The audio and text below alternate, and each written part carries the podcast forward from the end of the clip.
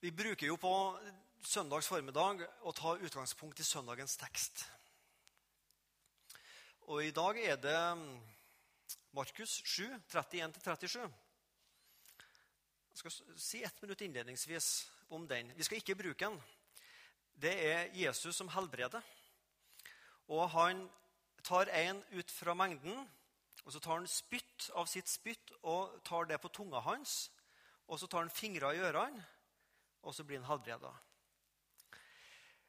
Så tror teologene det at Matteus og Lukas, da de skrev sin evangelium, så hadde de Markus ferdigskrevet foran seg. Så tok de det meste av Markus og så la de til sitt eget stoff, som ikke er hos Markus. Og så er det to fortellinger i, i Markus som er kun i Markus. Og det er en av dem. Og Den andre er når Jesus helbreder en som var blind. og Så ber han for den, og så ser han bare litt først. og Så ber han for den en gang til, og så ser han helt. Det er to litt sånn spesielle helbredelsesfortellinger. De er bare hos Markus. Og så har man lurt på, Kanskje Matteus og Lukas syntes det var litt for sært, litt for spesielt i fortellingene, så at de kanskje ikke ville ha dem med. Det er litt sære fortellinger, men det viser at Jesus er fri i hvilken måte han vil bruke når han vil helbrede folk. Så det var en bitte, bitte lite dykk i Ikke dykk, men et helt overflatekrus om dagens søndagstekst. Men den skal vi altså ikke bruke, for i dag har jeg tenkt jeg skal snakke om dåp. Jeg har rett og slett tenkt at du skal få en minibibeltime. Og med minibibeltime så tenker jeg på ca. 25 minutter om hva dåpen er. Og Når det da finnes svære oppslagsverk om dåpen på mange hundre sider, så skjønner du at 25 minutter da blir ikke all verden du får. Men jeg har tenkt også å ta deg med på en rask gjennomreise gjennom hva dåpen er. Dåpen, hvem, hva og hvorfor. Vi er jo ofte opptatt med de ytre ting når det gjelder dåpen. Iallfall når det blir sånn stridsspørsmål om dåpen. Hvor mye vann skal vi ha? Er det nok med det lille vannet der, eller bør vi helst Dypp dem under. Er det rett å døpe barn, eller skal barn ikke døpes? Og så har du det her med navn. Det er jo fortsatt en utbredt forestilling av at presten sier 'Hva skal barnet hete?' Men hvis du hørte godt etter, så sa ikke jeg det. Jeg spor 'Hva heter barnet?' Altså, Dåp er ikke først og fremst å få et navn. Det er det ikke. Og så er det gode familie- og slektstradisjoner knytta til dåpen. Og Da kan det ofte være sånn ytre ting at skal tro om oldemors eh, dåpskjole fortsatt holder i neste generasjon, eller må vi kanskje ha ny en? Det kan være litt sånn ytre ting vi henger oss opp i når det gjelder dåpen. Bibelen er først og fremst opptatt av det indre. Hva skjer i et menneske som blir døpt? Og hva gir dåpen for noe? Hvis du har lyst til å lese litt mer om dåpen, så skal jeg anbefale to bøker som er gjort på noen veldig få minutter å lese gjennom dåpen. Den ene heter 'Guds utstrakte hånd' av Olav Uglem, som da var lærer på Fjellhaug misjonsskole, om nådemidlene. Ti sider om dåpen. Det leser du på 20 minutter. Vil du ha litt mer, så kan du finne fram en bok som heter 'Jeg vet på hvem jeg tror', av Carl Fredrik Wisløff. Det er enkelt å forstå om man ikke har teologisk utdannelse. Hvis du virkelig har lyst til å virkelig sette deg godt inn i det, så kan jeg anbefale en bok av en som er lærer på Menighetsfakultetet, som heter Kjell Olav Sandnes. Han har skrevet en bok som heter 'Dåpen og dens plass i kirkens liv'. 220 sider. Så da trenger du litt mer enn en kveld. da. Men ta gjerne og les litt om dåpen, hva det er, fordi det er en sentral ting i den kristne tro.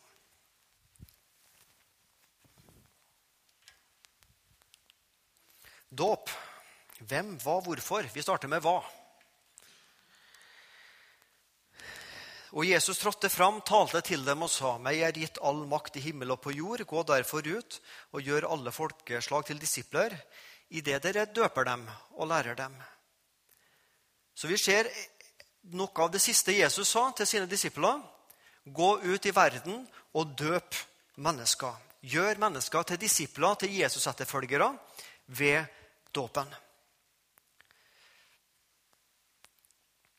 Vi kaller dåpen for et nådemiddel eller et sakrament. Du har sikkert hørt disse ordene.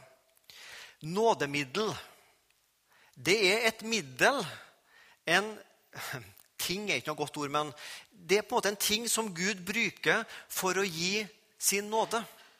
Et synlig middel, vann, som Gud bruker for å gi sin usynlige nåde. Ordet sakrament det betyr egentlig en synlig garanti.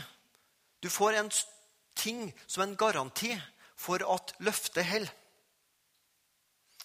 Derfor er dåpen og også nattverden det handler om synlige ting. Ytre ting som vann i dåp og brød og vin i nattvær. Og Har du lyst til å få en litt lengre bibeltime eller i hvert fall en bibeltime om nattverden, så velkommen tilbake på onsdagen. Da skal jeg holde en bibeltime om nattverden. Vi i vår tradisjon vi tenker at det er tre nådemidler. Det er Bibelen, Guds ord. Du hører ordet, du kommer til personlig tro, Bli omvendt, bli en kristen, får Guds nåde. Vi tenker at dåpen er et nådemiddel. Da er det Guds ord pluss vann. Det synlige vannet og den usynlige ordet som vi hører. Og Vi tror også at ved dåpen så blir vi født på ny. Blir kristne. Og Det siste sakramentet er nattverden. Det er Guds ord pluss brød og vin. Nattverden frelser oss ikke, gjenføder oss ikke. Nattverden er ikke et evangeliseringsmetode. Vi stiller oss ikke bort på Spar eller på Rema utafor der med nattvær og sier til folk ta litt nattvær, og når du har gjort det, så er du kristen. Nattverden er ikke et nådemiddel som gir oss gudslivet, men som styrker det gudslivet vi allerede har. Det skiller nattverden fra dåp og Guds ord. Når vi kaller det et nådemiddel, så er det fordi at Jesus har innstifta det. Jesus innstifta dåpen. Jesus har innstifta nattverden. Det er et synlig middel. Vann eller brød og vin. Det er et nådemiddel fordi at det er Gud som handler i dåpen. Det er ikke først og fremst meg som forsamlingsleder eller en prest som døper. Men det er Gud som handler i dåpen. Og Både dåp og nattvær har forbilder i Det gamle testamentet. Dåpen, Guttene når de var åtte dager gamle, ble omskåret. Og ble på en måte en del, ikke bare på en måte, men de, Da ble de en del av det jødiske folk. Det var et paktstegn på at du tilhører Guds folk. Og vi, når vi døper, så er det et paktstegn på at du tilhører Guds forsamling.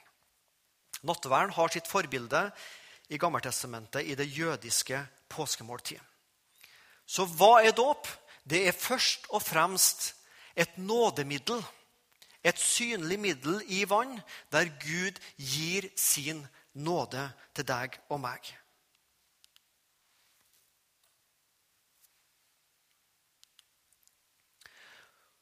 Hvorfor døper vi? Vi er jo ofte opptatt av hvem skal døpes. Det spørsmålet tar jeg til slutt. Hva er dåp? Hvorfor døper vi? Og så til slutt hvem skal døpes? For det handler om hva gir dåpen? Før vi kan svare på hvem skal døpes, så må vi vite hva gir dåpen. Hvem er dåpen for? Du skal få noen bibelvers her om hva dåpen gir. Peter står og taler på pinsedag. Peter sa til dem, 'Omvend dere, og la dere alle døpe.' 'På Jesu Kristi navn til syndenes forlatelse, så skal dere få Den hellige ånds gave.' Peter står foran mange tusen mennesker. Det står jo at 3000 ble frelst den dagen. Jeg kunne vanskelig tenke meg at alle som hørte på, ble frelst. Så kanskje var det en tilskuermasse på ganske mange tusen mennesker. Ja, Ikke vet jeg hvor mange det var, men det ble jo 3000 frelst den dagen.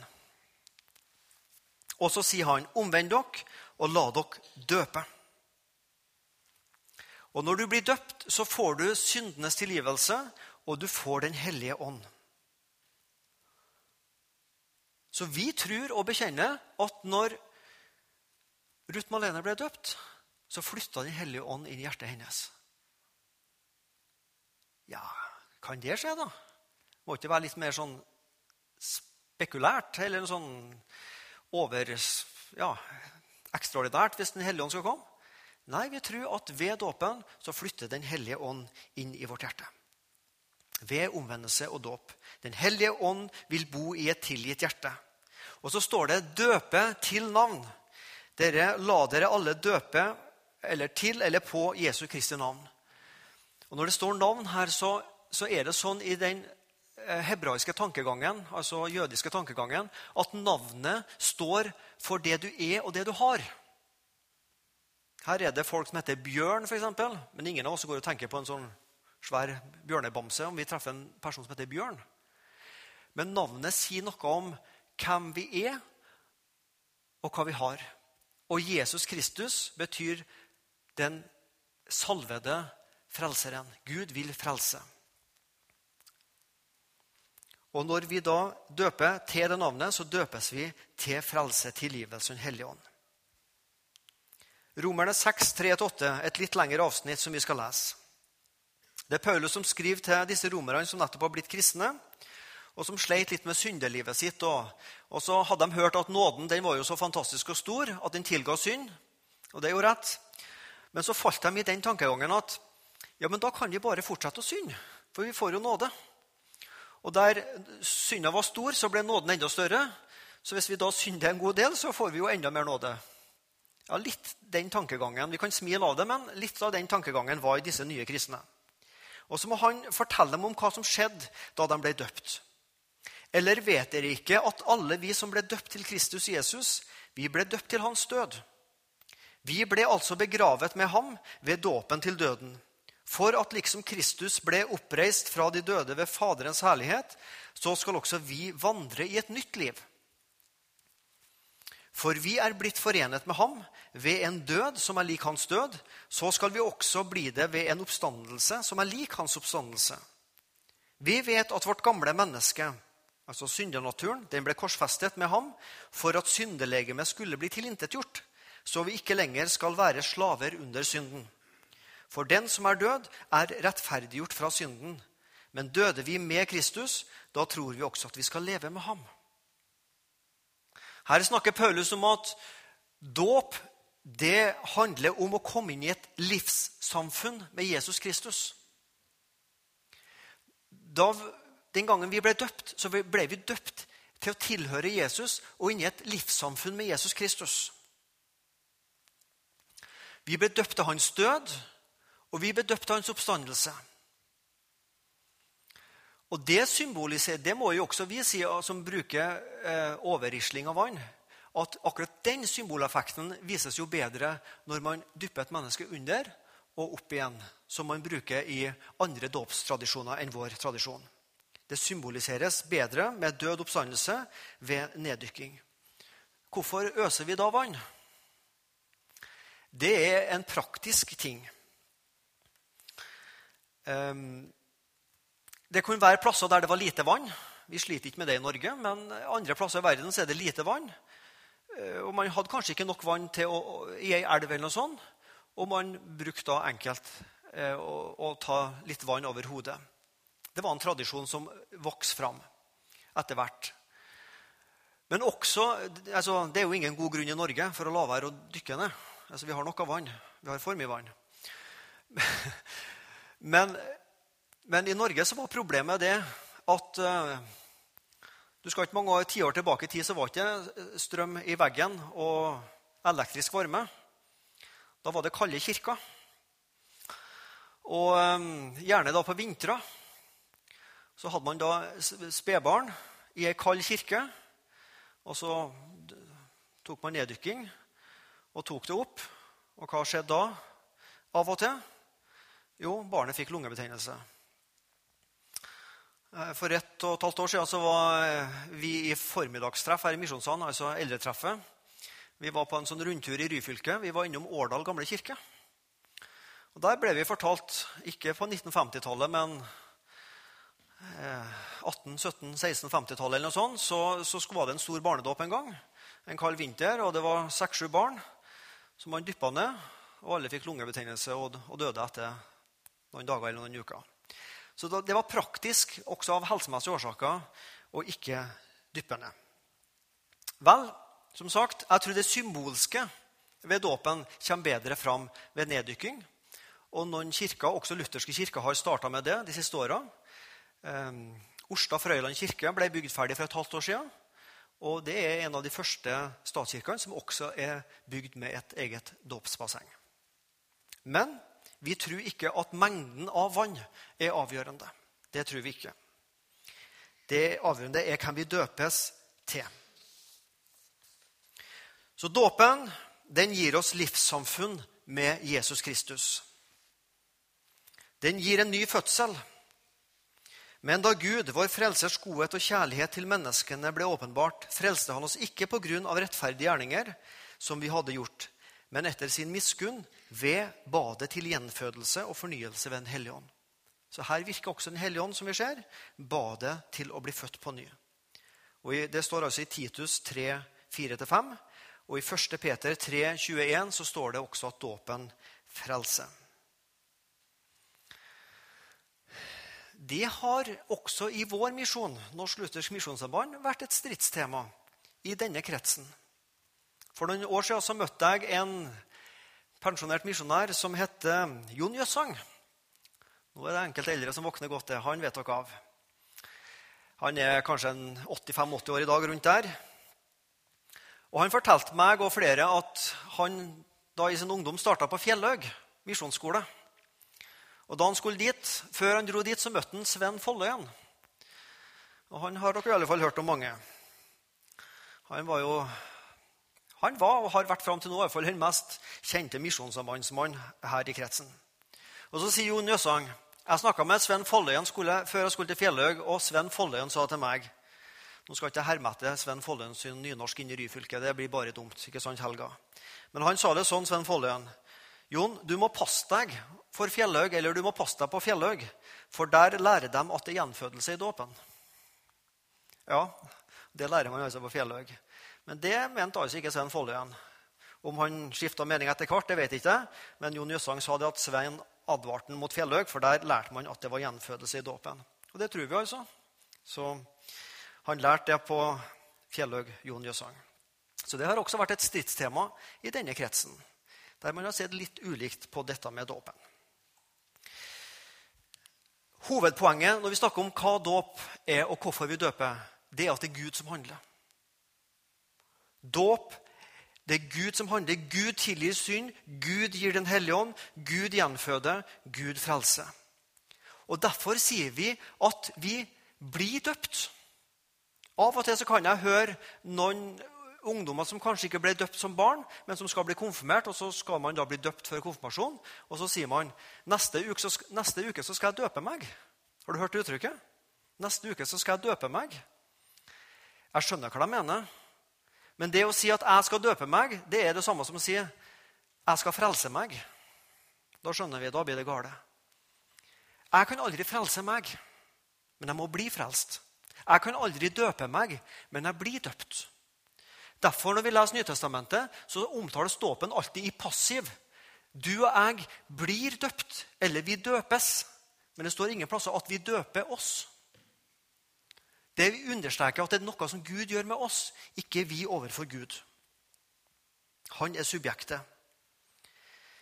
Og Så kjenner vi til at andre kristne har et annet dåpssyn, der vekten legges på at dåp er en lydighetshandling, først høre ordet og så omvende seg, og så vise sin lydighet ved å la seg døpe.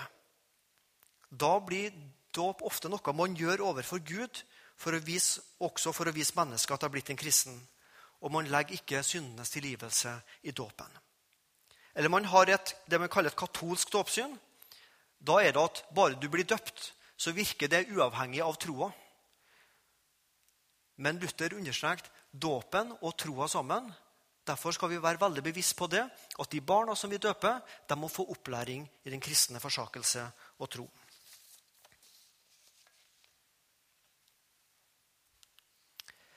Siste spørsmål. Hvem skal døpes? Barnedåp eller troendesdåp? Vi sier ofte barnedåp eller voksendåp. Eh, men mer rett er å kalle det troendesdåp. For dem som praktiserer troendesdåp, kan også døpe eh, ungdommer ned i en 10-11-12-årsalderen, som ikke er voksne. Men for den som har det dåpssynet med troendesdåp, altså det vi kaller et baptistisk dåpssyn, så tenker man følgende Først høre ordet, så bli omvendt, og komme til personlig tro og bekjennelse, så dåp. Derfor, hvis du har opplevd en baptistisk dåp, så, så, vil da den som døpes, si på din tro og din bekjennelse døper jeg deg. Da forutsetter man at det må være en modenhet, en bevisst tro, at man må på en måte forstå hva kristendommen er, før man blir døpt. Og I tillegg så legges ikke dette med frelse og gjenfødelse i dåpen, men det er mer en symbolhandling. Fordi jeg har blitt en kristen, så gjør jeg denne dåpen i lydighet mot Guds ord og som en symbolhandling for å vise andre at jeg har blitt en kristen. Og for all del, om vi er uenige i det, så er det noe veldig bibelsk i det også som en bekjennelseshandling. Og vi kan tenke på misjonsmarka. Våre misjonærer sprenger heller ikke rundt og døper alle mulige slags barn. Men når mor og far har blitt en kristen og hørt Guds ord og kommet til tro, så blir de døpt også som en bekjennelseshandling i den landsbyen de bor i. Men da blir også barna med i dåpen. Barnedåp. Hvis dåp primært er en bekjennelse og lydighetshandling, da er jo barnedåp meningsløst. For barnet kan jo ikke bekjenne noe og kan jo ikke vise sin lydighet. Så hvis dåp primært er en bekjennelse og lydighetshandling, da blir jo barnedåp meningsløst. Men vi tror og bekjenner at dåp er primært et nådemiddel som gjør at vi kan komme i samfunn med Jesus Kristus og bli frelst. Og Det trenger også barn, og da tror vi at barnedåp er riktig. Så kommer av og til spørsmålet trenger barn dåp. da? Trenger man å døpe barn? Da vi nettopp hadde dåp nå, så sa jeg fra liturgien følgende setning. Så bærer vi med takk og tro våre barn til Herren i den hellige dåp. Og så kommer denne setningen. De er barn født med menneskeslektens synd og skyld. Men i dåpen blir de Guds barn født på ny ved Den hellige ånd. De er barn født med menneskeslektens synd og skyld. Det er en setning som det er både strid om, og som det er mye teologi i. Efeserne 2,3 må du følge godt med. Det sier noe om at også barnet er født med menneskeslektens synd og skyld. Må du følge med. Jeg leser fra ja, Efeseren 2,3. Vi levde en gang alle som de. Det hedningene er tenkt på. Vi fulgte lystne i vår syndige natur og lot oss lede av den og av våre egne tanker. Slik var vi av naturen Guds barn.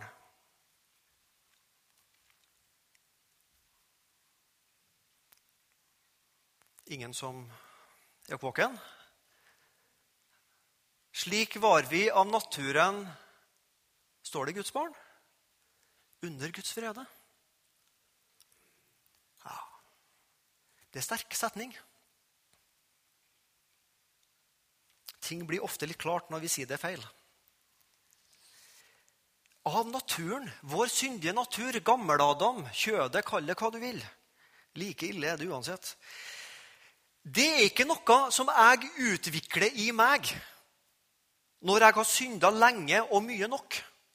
Hvis jeg bare får synda lenge og mye nok, så får jeg en syndig natur. Dessverre så er det noe jeg og du også fødes med. Kalles gjerne arvesynden. Syns det høres litt sånn dårlig ut, for da høres det som om vi arver noe fra foreldrene, som, som vi arver gener. Jeg syns det er et bedre uttrykk å kalle det grunnskade. Jeg fødes med en grunnskade inni meg. At det er noe i meg som ikke elsker og frykter Gud av naturen av. Slik var vi av naturen under Guds frede. Men Jesus sa da at vi skal bli som barn for å komme inn i Guds rike. Og barna, ja, hva er det med barna? Jo, de er jo så snille og uskyldige. Å bli som barn, det er å bli snill og uskyldig. Ja, ja, jeg får bare si det passer ikke på mine barn. Snill og uskyldig. Nei, å bli som barn handler ikke om å bli snill og uskyldig. Det handler om å bli hjelpeløs og mottakelig. Den som kan ta imot den gaven som dåpen er og gir. Vi fødes under Guds fred, men i dåpen blir vi Guds barn. Kan barn tro, da? For tro og dåp hører jo sammen. Da. kan et barn tro? Det kan iallfall ikke bekjenne troa. Markus 10, 13-15 sier noe om det. De bar små barn til Jesus for at han skulle røre ved dem. Men disiplene truet dem som bar dem. Men da Jesus så det, ble han harm og sa til dem, La de små barn komme til meg, og hindre dem ikke. For Guds rike hører slike til. Sannelig, det sier jeg dere, den som ikke tar imot Guds rike som et lite barn, skal slett ikke komme inn i det. Kan et barn tro? Det spørs hva vi legger i begrepet tro. Hvis vi tenker bevisst eller bekjennende tro, ja, så fins jo iallfall ikke det hos et spedbarn. Men tro, det er en gave. Gud gir gaven tro, og Gud gir gaven dåp. Og når barnet vokser opp, så skal det få opplæring i den kristne tro av foreldre, faddere og forsamling, slik at barnet omvender seg og kommer til personlig tro på Jesus Kristus. Derfor blir dåp uten opplæring også feil. Hvis vi bare døper uten å tenke på opplæring, da følger vi ikke Jesu befaling. Gå ut og gjør alle folkeslag i det dere døper dem og lærer dem.